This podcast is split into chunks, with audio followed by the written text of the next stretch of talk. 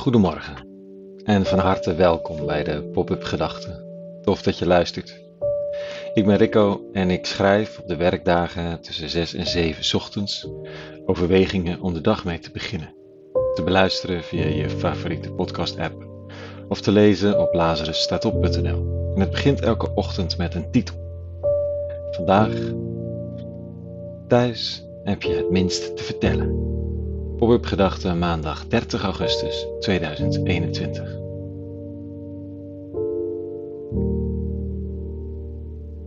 Bij de dokter thuis is het een bende. Bij de dominee thuis lopen de kinderen in zeven sloten tegelijk. De administratie van de administrateur laat te wensen over en bij de loodgieter thuis lekken de kranen. Dat is niet altijd zo, maar het is best wel goed mogelijk. Soms is het de klacht van de partner. Waarom kun je voor anderen wat je niet thuis kunt? En het gebeurt nogal eens dat degene die ter verantwoording wordt geroepen het antwoord schuldig moet blijven. Het is een patroon. Blijkbaar heb je de rol die je voor anderen hebt niet automatisch ook voor jezelf. Je werkt dan keurig voor anderen je opdracht af, netjes, strak, liefdevol. En thuis? Ach ja, dat komt wel een keer, wat dan meestal nooit is.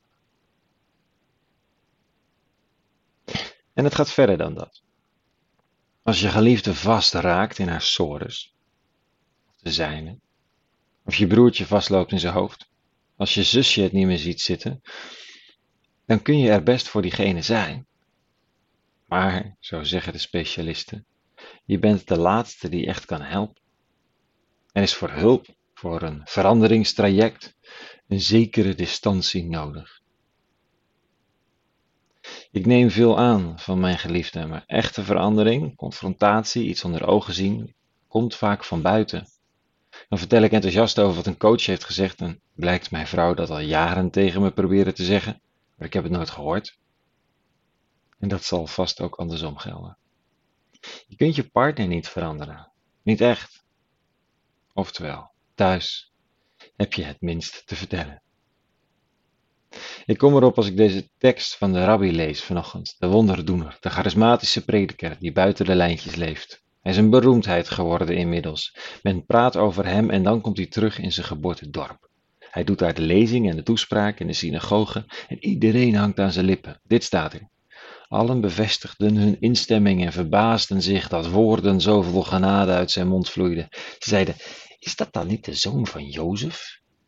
Hij zei hun, Natuurlijk zult u mij dit spreekwoord, spreekwoord voorhouden, genees heer, genees u zelf. Doe al wat, naar wij hoorden, in Capernaum gebeurd is, nu ook hier, in uw vaderstad. Maar hij gaf er dit antwoord op, voorwaar ik zeg u, geen profeet is heilzaam voor zijn eigen vaderstad.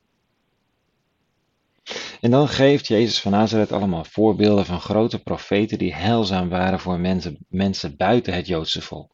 Voor de vreemdeling, de verstotene, de gast in het land. Woedend worden de mensen en ze willen hem lynchen. Ik kan de woede en de logica hiervan nog niet helemaal navoelen. Alleen dit.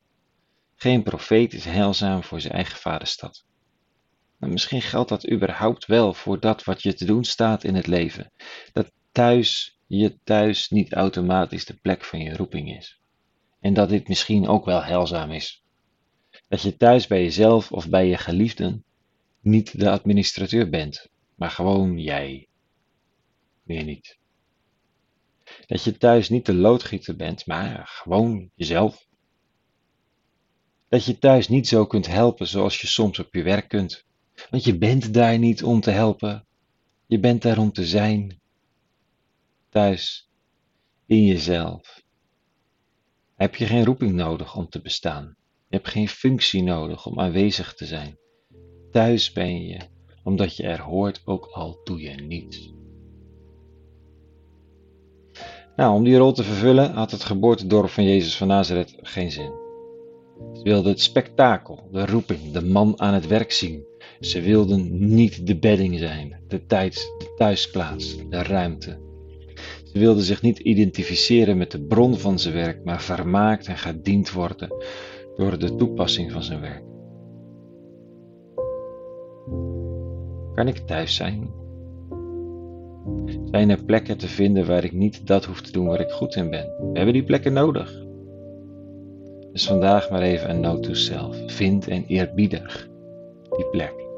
En wees die plek voor je geliefde.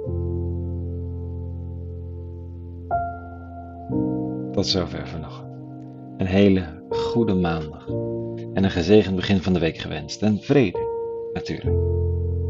En alle goeds.